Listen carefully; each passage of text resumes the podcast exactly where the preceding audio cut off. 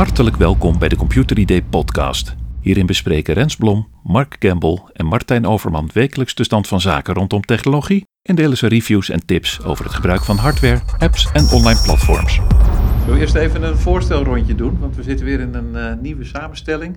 Eh, nou, ik ben weer helemaal eh, terug van weg geweest. Vorige week nog enigszins met wat vervorming op de stem. Maar nou, de, de, de periode tussen de twee hoesten door zijn nu lang genoeg om een podcast eh, te kunnen opnemen in één keer hopelijk.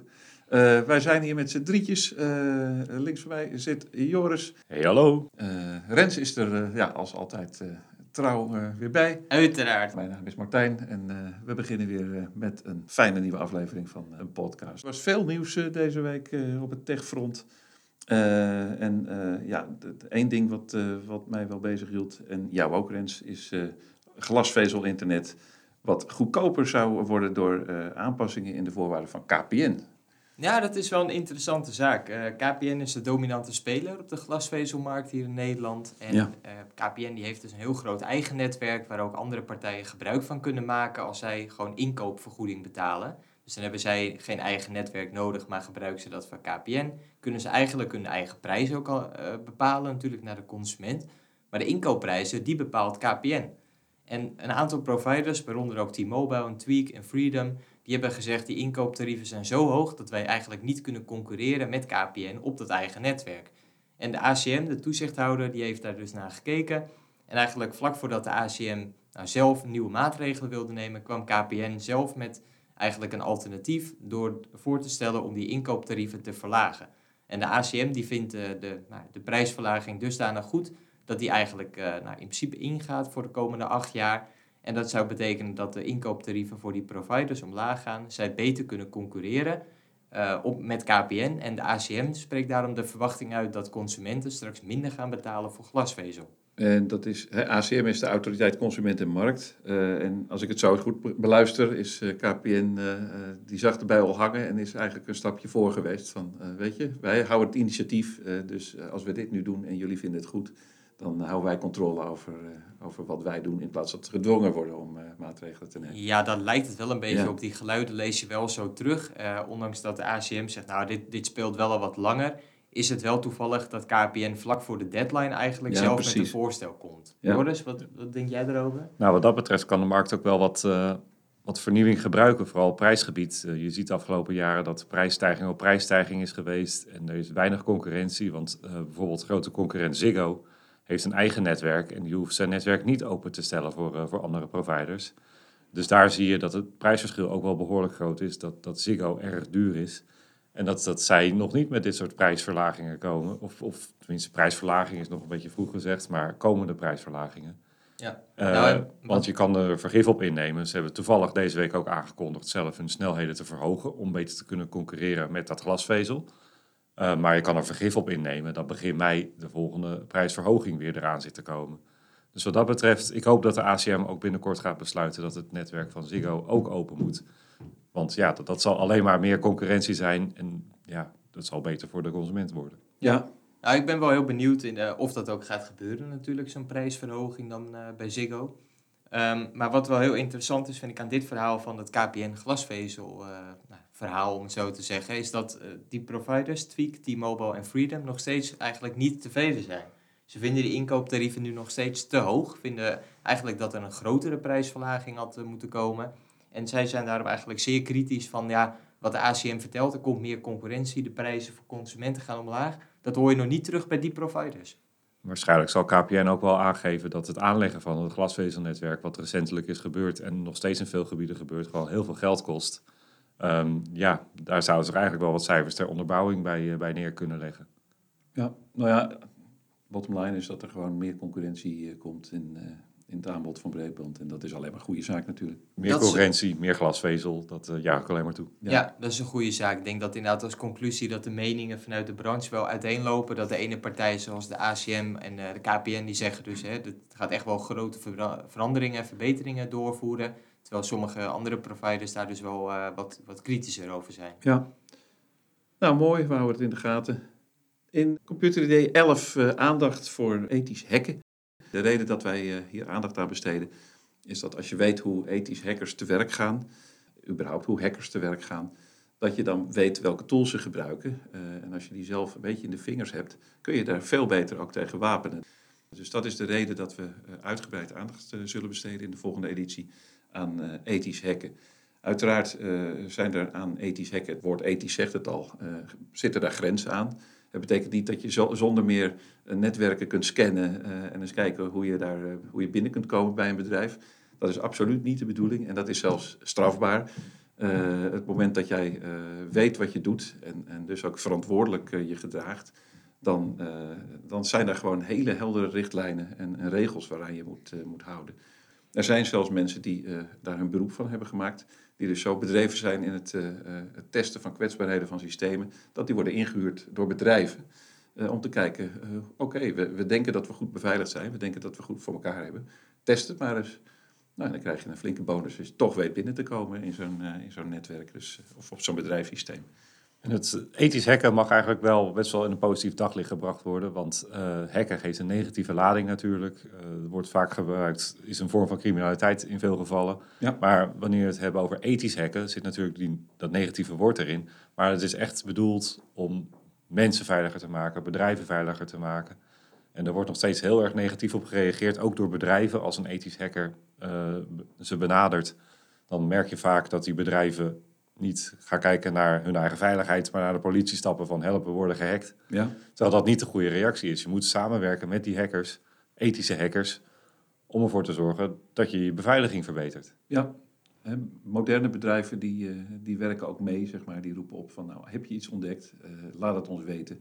En dan uh, kunnen we daar samen een oplossing voor verzinnen. Dus Reshift, het moederbedrijf achter Computer ID, doet dat onder andere. Dus nou, daarover dus meer in Computer ID 11. Joris, jij had ook nieuws en dat ging over Netflix. Ik heb er wel al wat van meegekregen, want volgens mij kon je het niet ontgaan. Ja, Netflix is veelvuldig in het nieuws geweest. Um, ze hebben een bedrijfscijfers bekendgemaakt en daaruit blijkt dat ze 200.000 abonnees minder hebben globaal. Uh, daardoor uh, hollen nu uh, investeerders weg. Um, het marktaandeel is gekelderd met tientallen miljarden. Het is nogal heftig allemaal wat, wat hier gebeurt. En ik ben nog even in de, in de cijfers gedoken. Uh, 200.000 abonnees minder dus. En uh, daardoor, daar, daardoor rent iedereen weg. Maar eigenlijk is het een beetje een gekke ontwikkeling. Want Netflix heeft een enorme groeispurt meegemaakt tijdens, tijdens de coronapandemie. Ja. Dus eigenlijk leefde Netflix al een beetje op grote voet. En de markt is gewoon, uh, gewoon veranderd. Um, en even voor mijn informatie, die 200.000, op hoeveel totaal hebben we het dan? Dat zijn precies die cijfers waar ik nog even, nog even in, uh, ingedoken ben. Want ze hebben in totaal 222 miljoen gebruikers, waardoor 200.000 minder marginaal is. Dat is niks. Uh, ze hebben nog steeds een omzet van 7,78 miljard en een winst van 1,6 miljard. Dus eigenlijk gaat het helemaal niet zo slecht met Netflix. Sterker nog, Netflix moest door de oorlog uh, zich terugtrekken uit Rusland. Uh, dat heeft ze 700.000 abonnees minder uh, opgeleverd. Dus in feite hebben ze er 500.000 meer. Precies dat. Nou, dat is heel interessant. Hè? Dat toen dat bekend werd, dat Netflix wegging uit Rusland, toen dachten sommige mensen, jeetje jongen, dat gaat, je, dat gaat zo'n impact hebben. Maar toen zei Netflix zelf van, nee, wij zijn heel klein in Rusland. En Rusland volgens mij 136 miljoen inwoners zo uit mijn hoofd. Maar ze hebben dus daar maar 700.000 abonnees. Dus naar verhouding hebben dus heel weinig mensen in Rusland maar een abonnement op Netflix. Zeker als je het gaat vergelijken met andere landen. Ja, ja en de zorg zit nu dus uh, vooral in um, Netflix wil hun beurswaarde uh, behouden, wil natuurlijk beur, ja, hun aandeelhouders tevreden stellen. Dus daarom zijn ze nu aan het spelen met het idee om mensen die hun account delen op Netflix meer te gaan laten betalen. En dat is natuurlijk wel een beetje een korte termijn visie. Uh, daar gaan ze misschien wel wat meer inkomsten uithalen, maar dat zal ze alleen maar meer gebruikers kosten. Ja. En Netflix schat ook al in dat de gebruikersaantallen uh, in de komende tijd verder zullen dalen. Dus dan beweeg je mee naar beneden in plaats van dat je het, hè, het ombuigt. Precies, ja. Het wordt voor Netflix wordt een uitdagende tijd. En ze proberen ook bijvoorbeeld die uitdaging uh, aan te gaan door in mobiele games te, te, stappen. Ze hebben ook al eerder deze week aangekondigd dat ze uh, het populaire, populaire kaartspel Exploding Kittens gaan gebruiken om daar een mobiele game van te, te maken. En dat ook als een soort animatieserie eh, uit te brengen. Netflix gaat in de games. Precies, ja, enorme groeimarkt, enorm veel geld in te verdienen. Ja. Dus wellicht is dat een betere koers dan mensen maar meer te gaan laten betalen, wat ze al de afgelopen jaren steeds weer hebben gedaan. En advertenties, dat, daar hoorde ik ook iets over, dat ze dat overwegen. Dat, eh, daar is nog niet veel concreet over, maar ze hebben wel laten weten dat ze, dat ze met het idee spelen ook om een goedkoper abonnement te introduceren, waarbij je inderdaad advertenties gaat krijgen. En dat is natuurlijk ook weer, eh, weer een gekke ontwikkeling, want ja, Netflix wil dan waarschijnlijk ook data gaan verzamelen en gepersonaliseerde advertenties leveren, et cetera. Dus of we daar zo vrolijk van moeten worden, dat weet ik ook niet. Nou, wat je wel ziet is dat Netflix het natuurlijk wel steeds moeilijker krijgt. Omdat die andere streamingsdiensten daar populariteit winnen. Omdat mensen natuurlijk overstappen voor Formule 1, en noem het maar op. En ja, Netflix blijft natuurlijk wel bekend van de films en de series. Maar ja, wordt ook steeds duurder. En er blijkt ook dat mensen bereid zijn om twee à drie streamingdiensten af te nemen, maar ook echt niet meer dan dat. Dus er is gewoon een max aan wat de mensen willen besteden en wat, hoeveel diensten ze willen afnemen. Ze zullen voorlopig nog wel even de grootste uh, blijven, maar uh, we houden de ontwikkelingen uiteraard goed in de gaten. Nou, in plaats van Mark heb ik even gekeken of er een, een lezersvraag is die wij kunnen behandelen. En ik vond een interessante. in Computer Day wordt regelmatig de site Quicker genoemd. En uh, een lezer vroeg van, ja, maar die site die bestaat helemaal niet.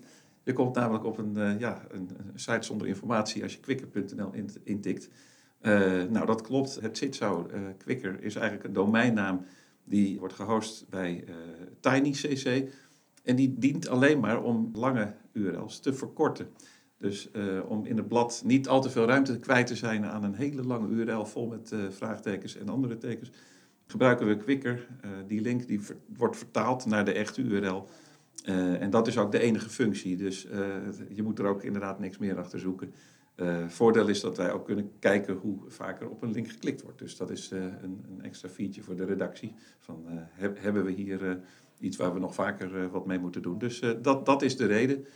En uh, ja, de site zelf, Quicker, uh, is gewoon willekeurig gekozen. Ja, dus conclusie, niet naar uh, quicker.nl of iets dergelijks, maar gewoon als je in Computer een linkje ziet, wat zo'n Quicker link is, dan vul je die in en dan kom je op de juiste website. Ja, Joris, jij had nog even in het blad gebladerd en kwam daar een artikel tegen over het gebruik van je iPad als laptop.